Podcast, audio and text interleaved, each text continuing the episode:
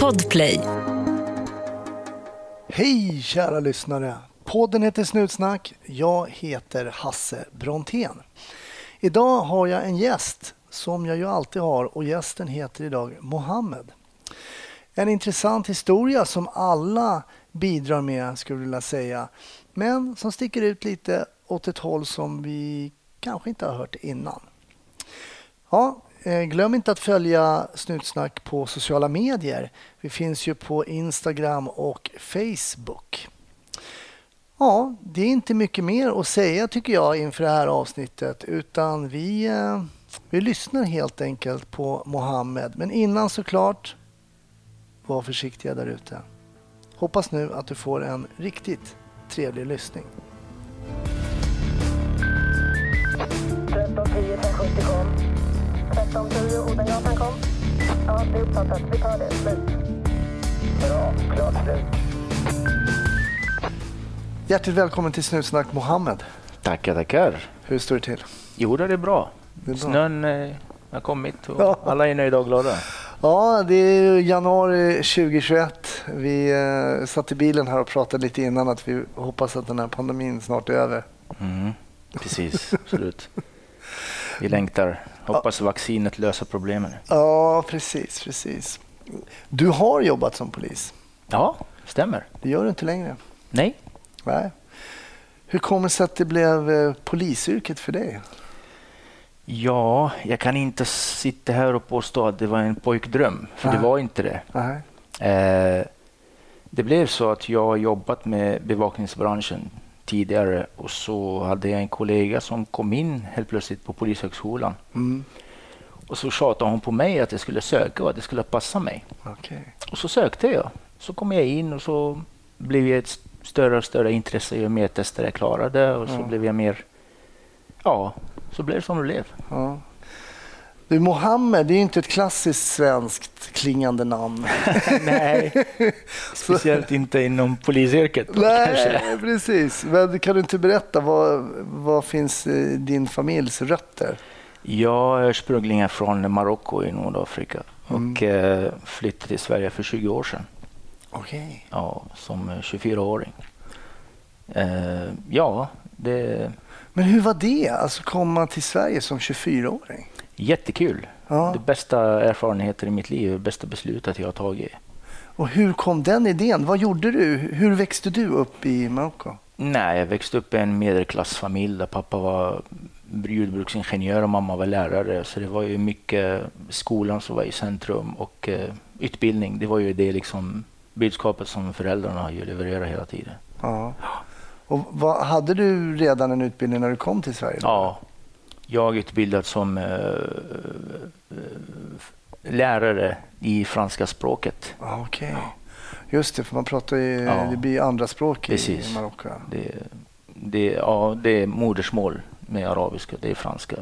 Ja, Eftersom vi har varit fransk koloni länge. så- just det, ja. precis.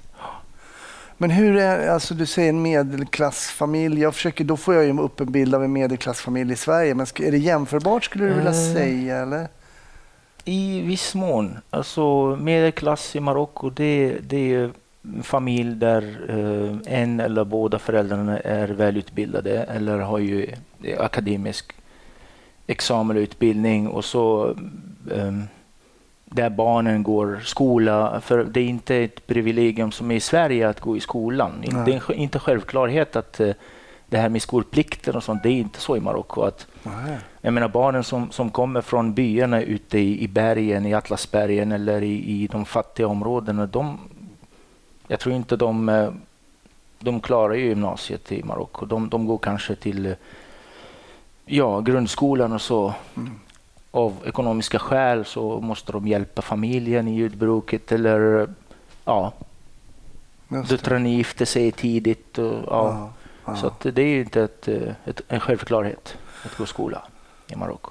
Så du tog ju med kan man säga hela din uppväxtkultur och allting. Men det hade du ju med dig. Ja, det, är, absolut. jag menar, det är en som kanske att, vara född i Sverige med marockanska Ja, föräldrar. ja, I, i viss har man ju kulturen kanske på ett sätt då, men du kom verkligen... Alltså när jag kom till alltså jag, är, jag är fortfarande ryttlös i Sverige. Jag, jag vet inte. Jag har bott i Dalarna, jag har bott i Stockholm. Folk hör en liten dalmål i när jag pratar, men jag vet inte om jag är stockholmare eller från Dalarna Nej. eller marockan. Eller, så det är en, en salig blandning. Men varför just Sverige då? Vad kom, jag menar, när du Ja. fanns i Marocko så bara, men jag ska åka till Sverige, eller hur? Nej, min, min, mitt ex är ju Ja. svensk. En, kla- en klassiker. Ja, det är kärleken. Och så, vi var kollegor i Marocko, eh, bott ihop eh, ett tag och bestämde oss, ja men vi flyttar till Sverige. Mm. Så att, eh, det, blev, det blev Dalarna. Ja. Och hur var, det här tycker jag är lite spännande, hur var ditt första möte liksom med Sverige? För det, jag kan tänka mig att Marocko och Sverige, det är mycket, ja, det är stor mycket som, skillnad, absolut. eh, Den var oförglömlig. Det var eh, över 24 timmar så hade jag en skillnad på temperatur mellan 25 plus till 25 minus. Oh, wow. Ja, Ja, den är, och snacka om en marockan som aldrig sett snön tidigare. Komma till en och en halv meter snö i Dalarna och eh, minus 20 grader kanske var det. ah, hur var det då? Vad, tänk, vad, tänk, vad tänkte du? Ja, jag te- började tänka på de här eh, klättrarna som klättrar i Everest och, eh, och där uppe i, i höga höjder och så där och fryser ihjäl där. Och bara, fan, ska det hända mig här eller? Ska det bli mitt öde? Ja, nej men det var, alltså jag blev väl omhändertagen. Ja. Eh, verkligen. Eh, än idag så känner jag att Leksand är mitt hem. Det lilla samhället där Ah, jag så, till. ja. Ja. Jag har fått eh, bra respons, många vänner Mm. för livet. Ja. Men om man tänker då, jag kan förstå det här första intrycket, det är kylan, det är snön och sådär. Men rent kulturellt, liksom, så här, Mm. beteendemönster mellan eh, din marockanska uppväxt och din marockanska Mm. familj och när det kom till Sverige. Vad var det som, som där du mötte på lite skillnader och sådär? ja, självklart. Det tog lite tid innan man, man började läsa av de här kroppsspråken, reaktioner, hur folk tänker. Det, det är klart en, en kulturkrock. Mm. Men eh, det som hjälpte mig lite är att jag kom ifrån en stad där i Marocko där det är mycket turism. Mm. Eh, Man har stött på folk från Europa tidigare. Man har jobb, jag har jobbat på krogar, diskotek i Marocko. Så att jag hade ändå en bra bild av hur västerlänningarna tänker Mm. och lever. Mm. Och det hjälpte mig när jag kom hit faktiskt. Det blev ett litet eh, eh, ja, skjuts framåt för mig. Mm. Så att, eh, jag kom in ganska snabbt in i, in i samhället. Och, Du känner inte att det blev någon krock? Liksom, Nej, inte det minsta faktiskt. Nej. Jag, om jag ska vara ärlig. Jag, jag har bara bra minnen av... Eh, Men falukorven då? Den var god. Var den det? Jag tänkte maten måste vara en Ja, alltså, hur- maten var ju lite... Det är en chock i början. Var det en chock? Ja, det var en chock. Det var en chock. Men eh, ja, jag, jag, jag har alltid varit eh, lite av en kameleon. Jag anpassar mig. Ja. Ja. Jag kan tänka mig att eh, kanske svensk husmanskost skiljer sig lite från marockansk Oh ja, husmanskost. oh ja. Stort, stort. Ja. Men eh, alltså, i efterhand så tycker jag att det har gått bra. Så det, Ja. Jag hade ju mm, Mustafa Panshiri som gäst då, som är från Afghanistan. Mm. Han sa att han, en chock för honom och hans familj var att svenskar drack mjölk till maten. Man kunde inte fatta att de... Alltså det gjorde man inte i Afghanistan. Men Han sa Nej. ibland dricker man varm mjölk med honung eller något sånt ja, där. det är hos Men oss liksom också. inte till maten kall Nej. mjölk. Alltså det var Nej. helt konstigt alltså.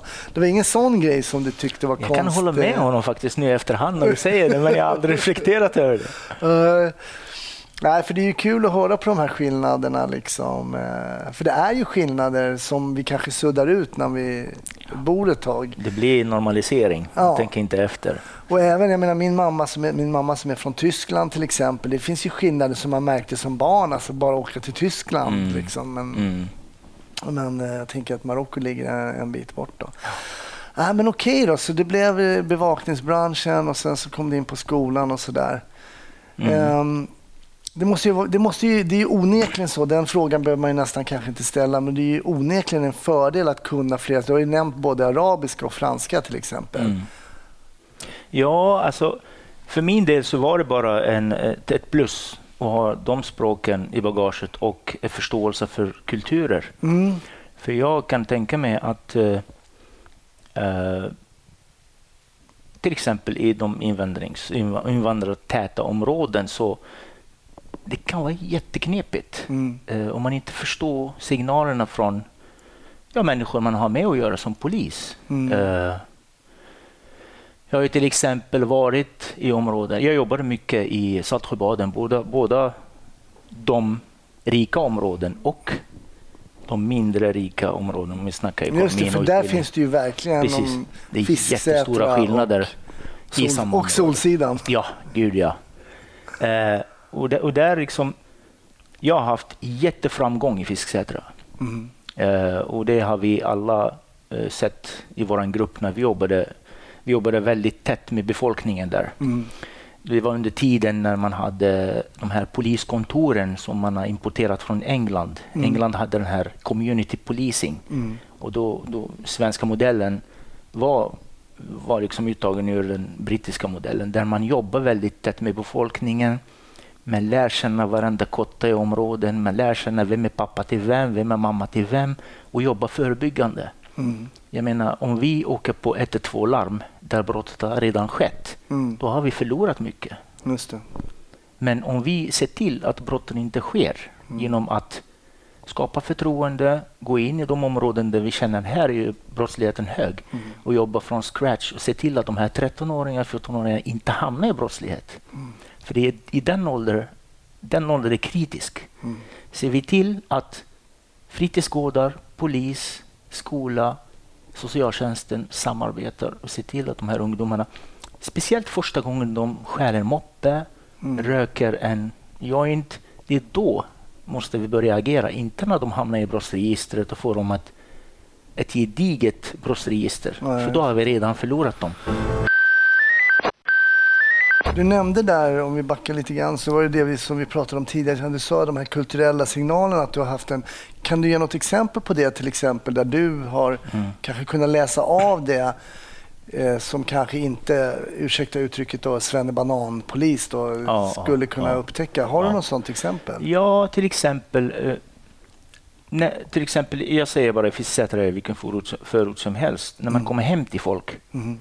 Det behöver inte vara en husrannsakan eller någonting som är, har med tvångsåtgärder att göra, men det är bara kanske ett besök för att deras 13-14-åriga unga har gjort någonting eh, dumt. Mm. Så vill man ha ett snack med föräldrarna, man kommer hem till dem.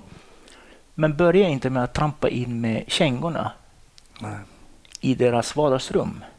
För i deras kultur, det, det, det har med att ja, det här är rent hemma. Kanske du ska inte in med kängorna då du har varit ute och man vet aldrig vad man har liksom trampat och gått. Det får du göra, men för att vinna det här förtroendet, få en bra första kontakt, Mm. då kanske man, man visar att ja, men jag står här. Då tycker de om dig. Alltså de öppnar dig. De öppnar sig för dig. De bara, för då har liksom klivit över det här tröskel att de ser polisen som någonting negativt. Mm. Det är många utlänningar som gör det för att de har dålig erfarenhet, dålig erfarenhet av polisväsendet i deras länder. Mm. Där är det korrupt, polisen är våldsam. Så kommer de i Sverige och då fattar de inte att vi är annorlunda här som poliskår. Att vi, vi ändå respekterar mänskliga rättigheter och, och, och har mycket skydd för individen mot myndigheter, mot samhället. Och det Mm. fattar de inte först du kanske visar det som person. För att när du kommer in där med uniform, då har du auktoriteten, du representerar en myndighet. Men första staten är viktig. Mm. Kommer du in och trampar in i deras jättefina, dyra persiska mattan med kängorna, då har du skickat en signal att det är ingen bra start här. Nej. Så du menar att en sån då ganska liten grej, Ja. att liksom inte bara trampa på, Absolut. skulle kunna ha en ganska stor impact Absolut. för Ja. vidare liksom, kommunikation och sådär. Och det här har jag hört flera gånger. att När jag skakar hand med, eh, folk vill skaka hand med mig på torget till exempel, när jag är i uniform. Mm. När jag tar av mig handskarna och skakar hand. Mm. Många gånger har folk sagt det. Fan vad fint av dig att du tar av dig handskarna först och skakar hand med mig. Mm. Och det här kan handla om svenskar eller utlänningar. Eller, men det är sådana här små, små detaljer som, som polis man kan vinna mycket på. Mm. Men liksom kliva över det här tröskeln, det här, det här första svåra minuten där, där Mm. de har redan en bild av dig. Du är Mm. en myndighetsperson, du har våldsmonopol. Ja, vi är försiktiga med dig. Tror du att det kunde ha funnits någon effekt just, jag tänker om du pratar med ungdomar till exempel i Fisksätra då, att du säger att du heter Mohammed. Liksom, att man, för det finns ju en del andra Mohammed i Fisksätra, Ja. att man kan bli polis och liksom vara Absolut, en absolut. Mohammed. För att jag har hört det flera gånger, att för att när de ser att en Mohammed har blivit polis, Mm, då öppnar det ögonen för dem. Fan, det är möjligt. mm, Jag kan bli polis. Lyckades han, då kan jag också lyckas. mm. Kanske jag ska avstå från, från att göra det här och det här och det här. Dumma saker som gör att jag inte kommer att söka till Polishögskolan till exempel i framtiden. Mm. Hur var, hade du någon upplevelse eller hur var surret kring marockansk polis då när du växte upp och var tonåring och sådär? Ja, marockansk polis har ju varit eh, väldigt korrupt. Ja, Det har blivit mycket bättre idag jämfört med hur det var för 20 år sedan. okej. Folk har ju vaknat till. Sociala medier har ju ändå öppnat ögonen för, för Mm. det här problemet med, med korrupta myndigheter och poliser och så. Följer du utvecklingen i Marocko? Följer du liksom, Ja. Har du kontakt med mor och far? Och, Ja, precis. Så följer jag mycket på sociala medier och Mm. på ambassadens hemsida och vad som sker. Så det har även skett förbättringar, eh, Oh ja. marockansk polis. Mm. Skulle du kunna tänka dig att jobba som polis i Marocko? Nej. Varför inte? Eh, eh, svår fråga. Eh, ja, jag kan dra en parallell. att Jag pratade med min mamma för några veckor sedan då sa jag så här. Jag ser inte att jag kan flytta till Marocko än. Nej. Om du frågar mig om jag vill flytta, jag vill. Jag vill. Det är varmt, det är skönt, det är layback, det är, eh, det är möjligheternas land. Det är, det är jättestora möj- möjligheter att starta företag i Marocko just nu för de, de pushar på företagandet. Okej. Mm. Eh, men mentaliteten är fortfarande för osvenskt. Alltså, då, då har du nästan pendeln har svängt lite. Oh ja. Då blir vi För länge sedan. Alltså. För länge sedan. Ja. Nej, men det är Och vad är det som är för osvenskt då för dig i Marocko? När du, ja, du alltså, själv- allting tar tid. ja. Myndigheternas byråkrati, Mm. eh, hur människor tänker. Människor liksom har inget bråttom. Manana, manana. Saker som ska göras idag kan göras om en månad. Och jag, Ah, jag klarar okej. inte av det. Nej, jag fattar. Eh, för mig är det liksom Ska göras snabba direkt, ryck. Det alltså. ska göras idag. Och det är därför jag, jag ser inte att jag kan handskas med dem. Jag kommer att bli arg bara på folk där. Ja, det är roligt, men man formas ju såklart av sin egen miljö. Ja. Och jag menar, eh, man blir ju såklart, är man, i Marocko blir man väl marockofierad och här blir man svennifierad. Ja, men så att är det ju. det, det är Så är väl ofrånkomligt. Liksom. Trivdes du att jobba lite så här community policing? eh, Ja. Alltså det som är med, med eh, community policing och närpolisjobbet det är att du ser resultatet för ditt arbete. Mm, Du kan följa upp samma person i många år. mm, Du kan börja med att hjälpa en 13-åring som har börjat halka snett och hamna i dåligt sällskap och begå små, små brott. Och den hjälpen kan du följa upp och säga, aha, här har vi fått resultat eller här har vi gjort fel. mm. Då kan du få egen utvärdering av ditt eget arbete och det är, det är grymt som polis. Du får ju, du får ju liksom resultat efterhand. För det är ju mycket, vi kan läsa mycket i media nu om unga brottslingar Mm. och unga, det är skjutningar och många som är Mm. yngre också Mm. involverade och, Mm. och sådär. Hur är det när man märker att man tappar dem då? Alltså jag har alltid sagt så här att eh, skärpa eh, straffskalan, det är inte det enda, den enda lösning. Nej. Det är så här. Eh, vi har blundat för insatser som kostar pengar på lång sikt. Vi kunde ha startat upp fler fritidsgårdar istället för att lägga ner fritidsgårdar som man gör nu. Vi kunde ha startat upp fler små polisstationer i förorter istället för att stänga dem och centralisera. Mm. Eh, varför? Det är för att de här poliser som jobbar eh, lokalt i Mm. de utsatta områden, det är ju de som ser vad som händer på plats. Mm, såklart. Eh, och om, om myndigheter börjar satsa lite långsiktigt på ungdomarna idag, Mm. då kommer de tjäna mycket om fyra, fem, tio år. Mm. För att det finns statistik från Brå som säger att om vi lägger en miljon kronor på en ungdom idag då tjänar vi 20, mer, 20 miljoner om fem år för att vi undviker ha brottsoffer, skador, psykiska, fysiska, kostnader för samhället, för människor som drabbas av brott, Mm. för den som ska sitta i fängelse dömd för brott. Så vi sparar jättemycket, men tyvärr så, så, så viljan finns inte där. Man vill ju bara satsa på idag. Mm. Vi hade en annan gäst tidigare som heter Fredrik Kärrholm. Han har skrivit en bok som heter Gangstervåld. Han propagerade ganska mycket för just, kanske inte bara strängare straff, men han menade på att när de här, vissa av de här ungdomarna åker dit för ganska grova brott så, så hinner de komma ut och fortfarande liksom vara citat coola. Alltså man har gjort en tid, kommer tillbaks, fortfarande, jag gjorde det där brottet men nu är jag tillbaks. Han säger att de ska inte kunna hinna komma tillbaks till sin eh, förort och till Mm. exempel visa nu har jag bara suttit så så länge jag gjorde det här utan de ska Ja. kunna sitta tills de blir glömda. Så han ville ha i alla fall eh, längre straff för en, för en sån Mm. debatt. Mm. Liksom. Ja, det där kan, kan vara en, en tanke för att vi vet att ungdomarna eller brottslingar, de eh, coola och coola, de, de får status för Ja, att precis. de har eh, suttit. Ja, Citat coola. Liksom. precis. De får status och de, blir, de kliver högre i hierarkin i grupperingar och så.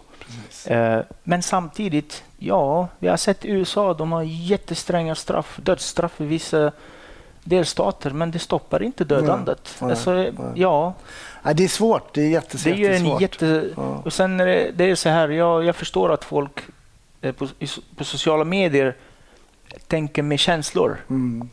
Varför får han bara fem år istället för 15? Varför får han rabatt och sådana saker? Mm. Man måste stanna upp och tänka med huvudet också, Mm. inte bara känslor. För att eh, när, vi måste tänka lite rationellt. Mm. För det är det som kommer att vara lösningen för hur vi ska eh, ta bort brottsligheten. Om vi hetsar och, och skriker och tycker och tänker om lagstiftningen. Det hjälper inte. Vi måste liksom komma till en rationell slutsats. Mm. För att de här ungdomarna, när man målar upp dem, man målar upp dem som djur. Ja, man kan göra det. Men i slutändan, då kommer de att sitta i fängelse. Vad gör de i fängelse? Ja, de knyter, de knyter kontakter med grövre kriminella. Då kommer de ut med starkare kontakter, bra affärsidéer i, i kriminella världen och så grövre kriminella blir de själva. Mm. För jag menar, sätter du en, en s- 17-åring med grövre kriminella i en, en, en i hall eller i, i säkerhetsanstalter, då får du inte bättre människor när de kommer ut. Nej. Du får bara... Jag tycker att man behöver ju inte vara kanske varken kriminolog eller ha jobbat som polis för att förstå att det borde finnas poliser där det finns kriminalitet och Mm. problem. Mm. Och då är det här community policing, som säger, eller närpolis eller Mm. områdespolis eller vad man nu kallar det, låter ju som en bra lösning. Men det måste ju också finnas personal Absolut. som är där och som du säger Mm. lär känna folk Mm. och så.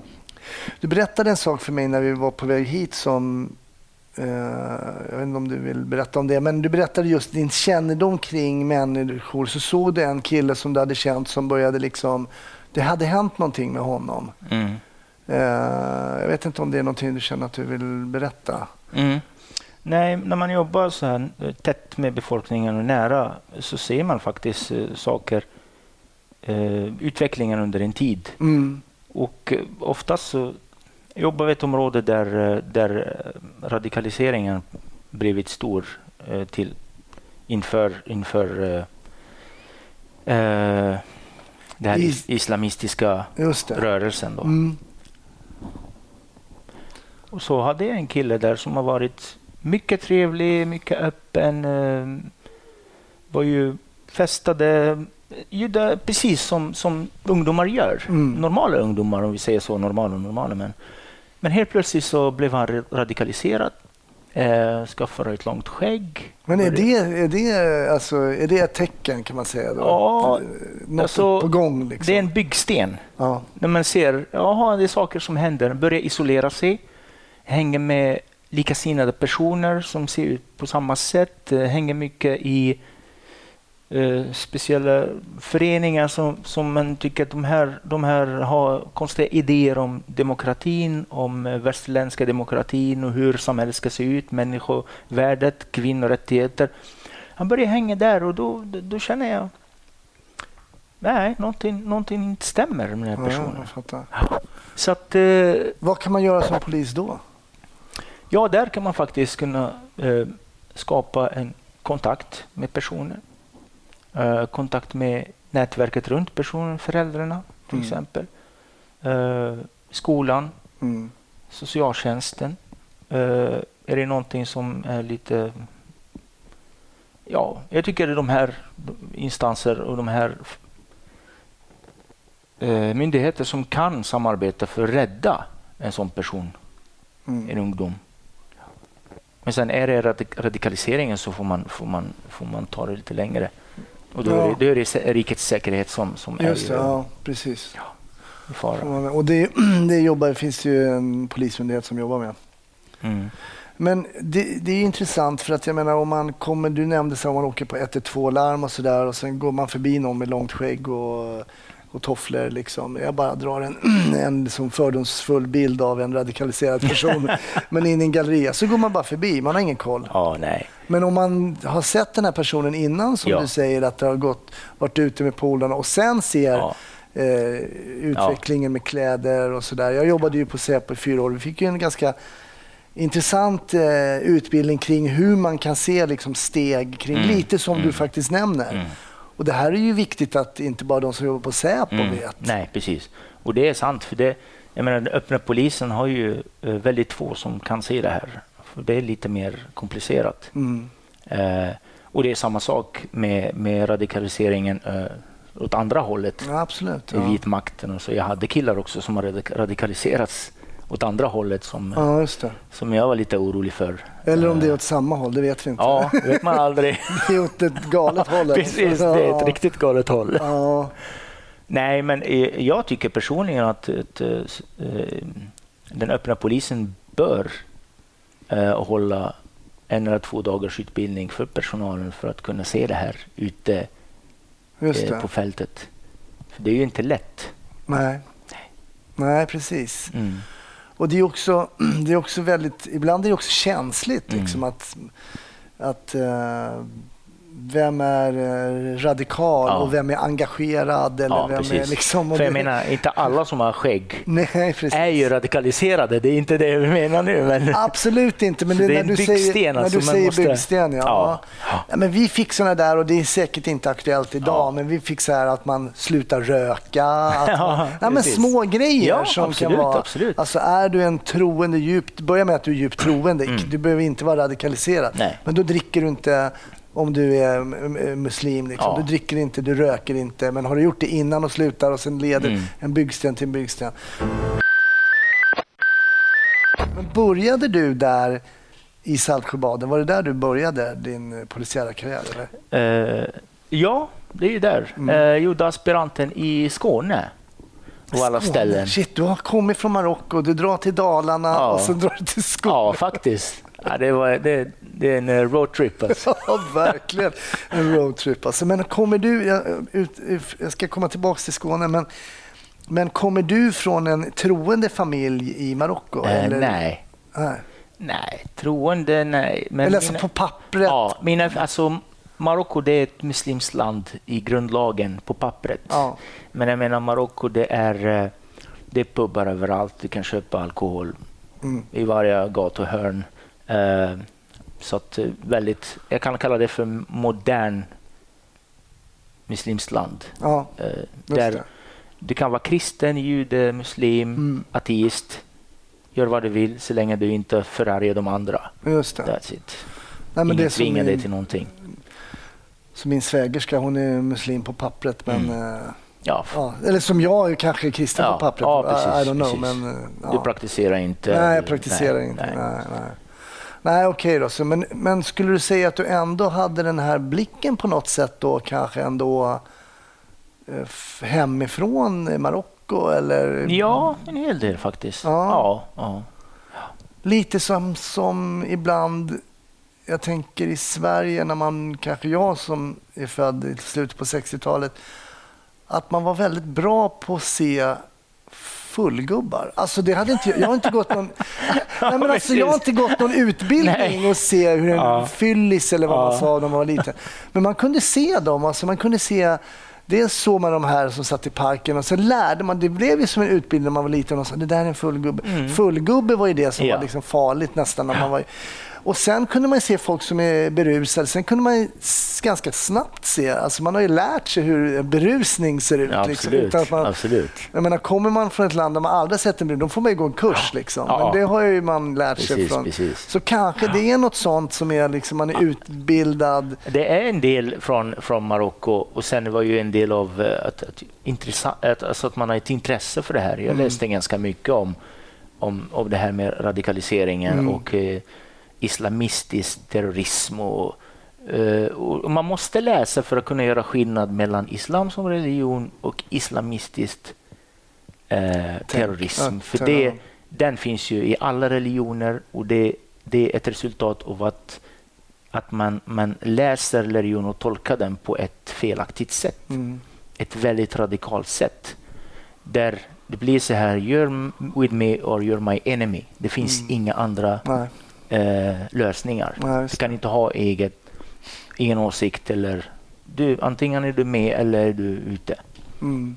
Nej, men jag tänker också på så små hälsningsfraser som man ser liksom folk som kommer från samma länder eller kanske från samma Mm. eh, regioner som, där man som svensk polis liksom inte har någon Mm. koll och man vill Mm. inte gärna kasta sig in och säga någonting. Nej, nej, så då nej, blir det ju förstår. pannkaka. Absolut, liksom. absolut. Så, där, så det finns ju en oerhörd fördel. Men okej, då går vi tillbaka till Malmö där och då fick du göra aspiranten Mm. i Malmö. Hur, hur var det då där nere? Det var jättekul. Det var, det var en jätterolig eh, Tid? tid ja, på olika sätt. Man fick, man fick jobba i de här små samhällen i Skåne där eh, man inte förstod ett ord av vad de säger. Alltså. Här små samhällen som Hör, Hörby och Eslöv. Och, Ja, så man fick ju liksom sitta i polisbil så operatören pratade grov skånska och så fattar man ingenting. Och då bara, kan du upprepa? Och så upprepar de igen och så fattar man ingenting. Och då bara, ja. Och då, då liksom är det två jobb och så ska man iväg fort som fan till ett slagsmål och så, så hör man ingenting. Och bara, ja, skånska den är, den är svår. Ja, jag Den är ju svår. Alltså. Men du berättade också en rolig grej här innan vi började spela in. Som, eh, du har ju inte jobbat som polis på fyra år nu, Mm. men du var inne på en mack. Ja, just det. Ja, den där alltså. Nej, det här var för några dagar sedan. Eh, kom in på en OK-mack och så...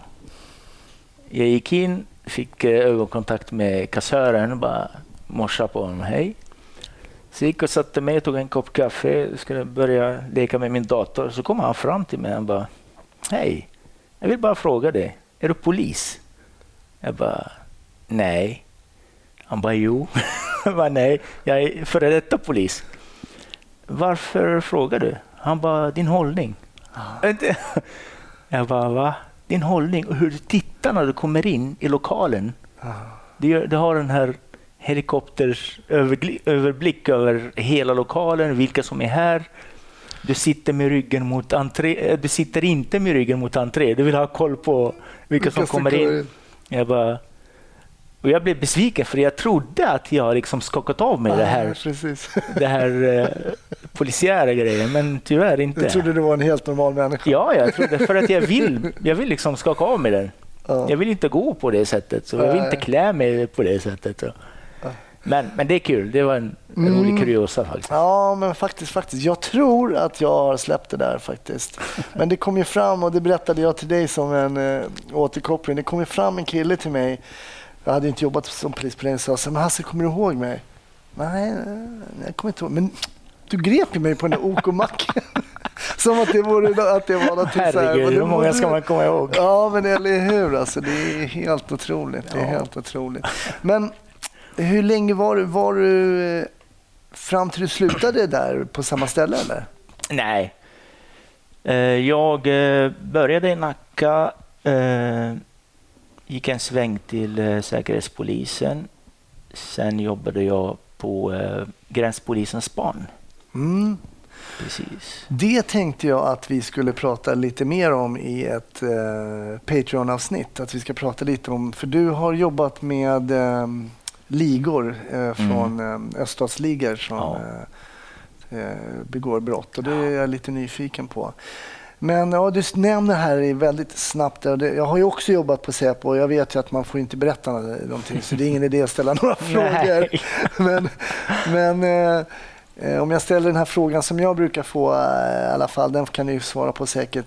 Är det lika coolt som man tror eller? Säpo, Ja. det är hundra gånger coolare. det är mycket roligare än vad folk tror. Ja, det är så. Ja. Okej, jag tror att vi har lite skilda åsikter där.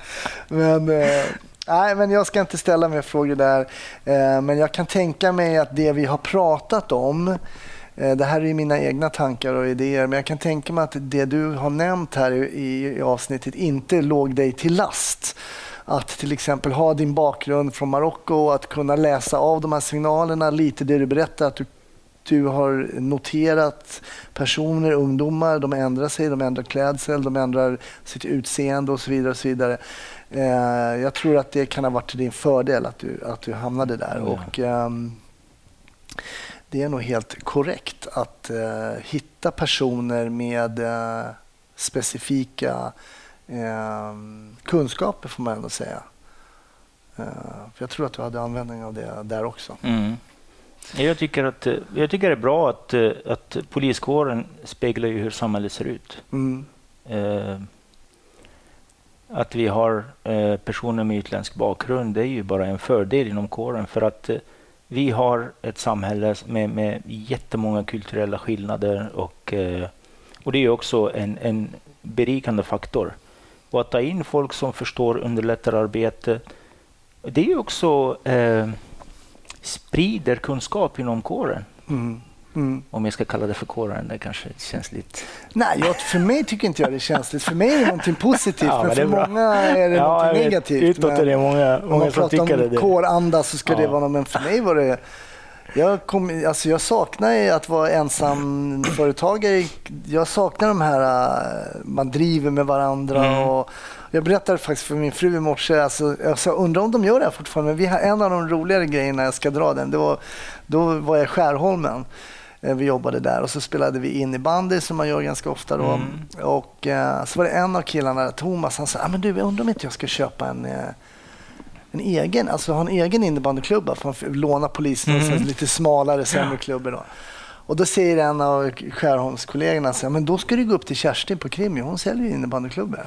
Jag kan säga hon var den suraste civila Nej. utredaren uppe på krimavdelningen där. Och han bara, vad säljer hon innebandyklubbor? Ja, ja visst, hennes son spelar ju i innebandylag så de säljer ju klubbor. Så hon har alltid klubbor på rummet som du kan köpa. Åh herregud. Så han kliver, En rejäl prank alltså. ja, så han kliver ju upp och knackar på där. Så hon, ja vad är det? Riktigt sur dam där. Um, nej, jag skulle köpa en innebandyklubb. Han gick på det där. Ja, ja. Hon bara, jag säljer inga. Så kommer han var så arg. Alltså. Det är ett roligt prank. Oh ja, oh ja, Det är absolut. ett roligt prank alltså. Och sånt där händer ju när man jobbar i grupp. Ja. Var det lite så när ni jobbade också? Oh, Kanske ja. alltså att man har Gud, den här liksom lite... ja, men det måste man. Alltså, men bli som en... eh, Men bli, men bli g- vänner på riktigt. Alltså, för att Mm. man jobbar tillsammans långa pass, men delar ju sitt privata liv med andra. Man Mm. berättar om sina bekymmer, Mm. men öppnar sig för sina kollegor. Så att det är inget konstigt med det. Nej. Jag förstår att många tror att eh, kårandan kan betyda något negativt, Mm. men egentligen det är det bara positivt för att det avlastar ju personal, poliser. Alltså det blir som en debriefing varje dag när man, man stöter ju på massa jobbiga situationer.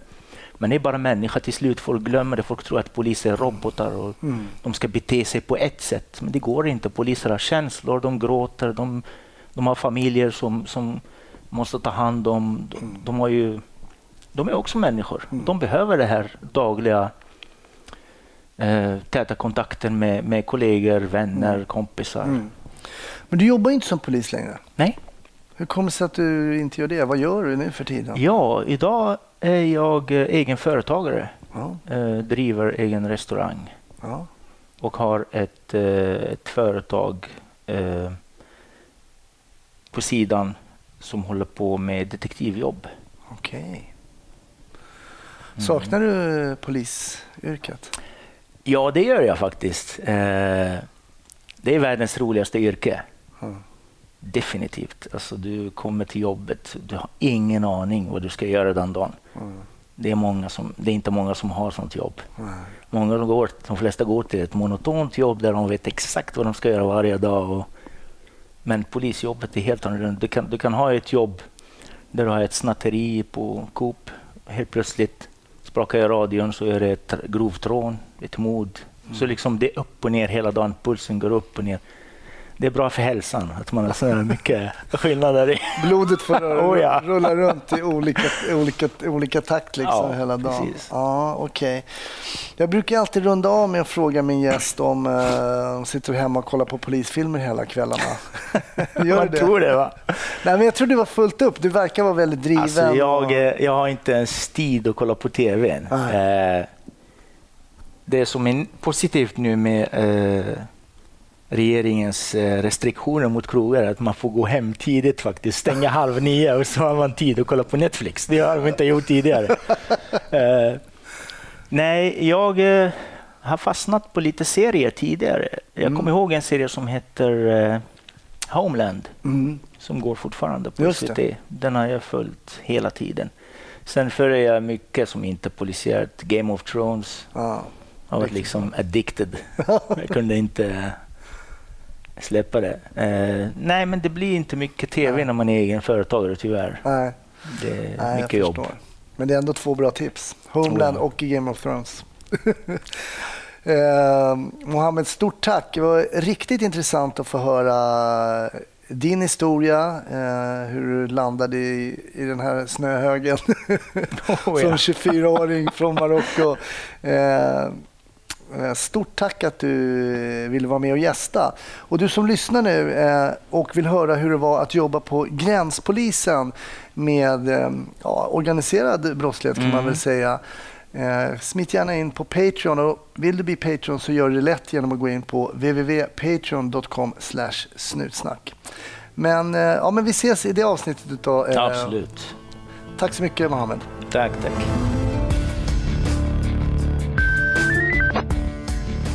Stort tack. Nu är avsnittet slut. Eh, men givetvis kommer det ett nytt nästa tisdag. Vill du bli Patreon och ta del av bonusmaterial så kan du gå in på www.patreon.com snutsnack. Annars så finns vi ju på sociala medier, Facebook och Instagram där vi heter Snutsnack såklart. Välkommen att följa oss även där. Ha nu en fantastisk vecka så hoppas jag att vi hörs i nästa. Hej då!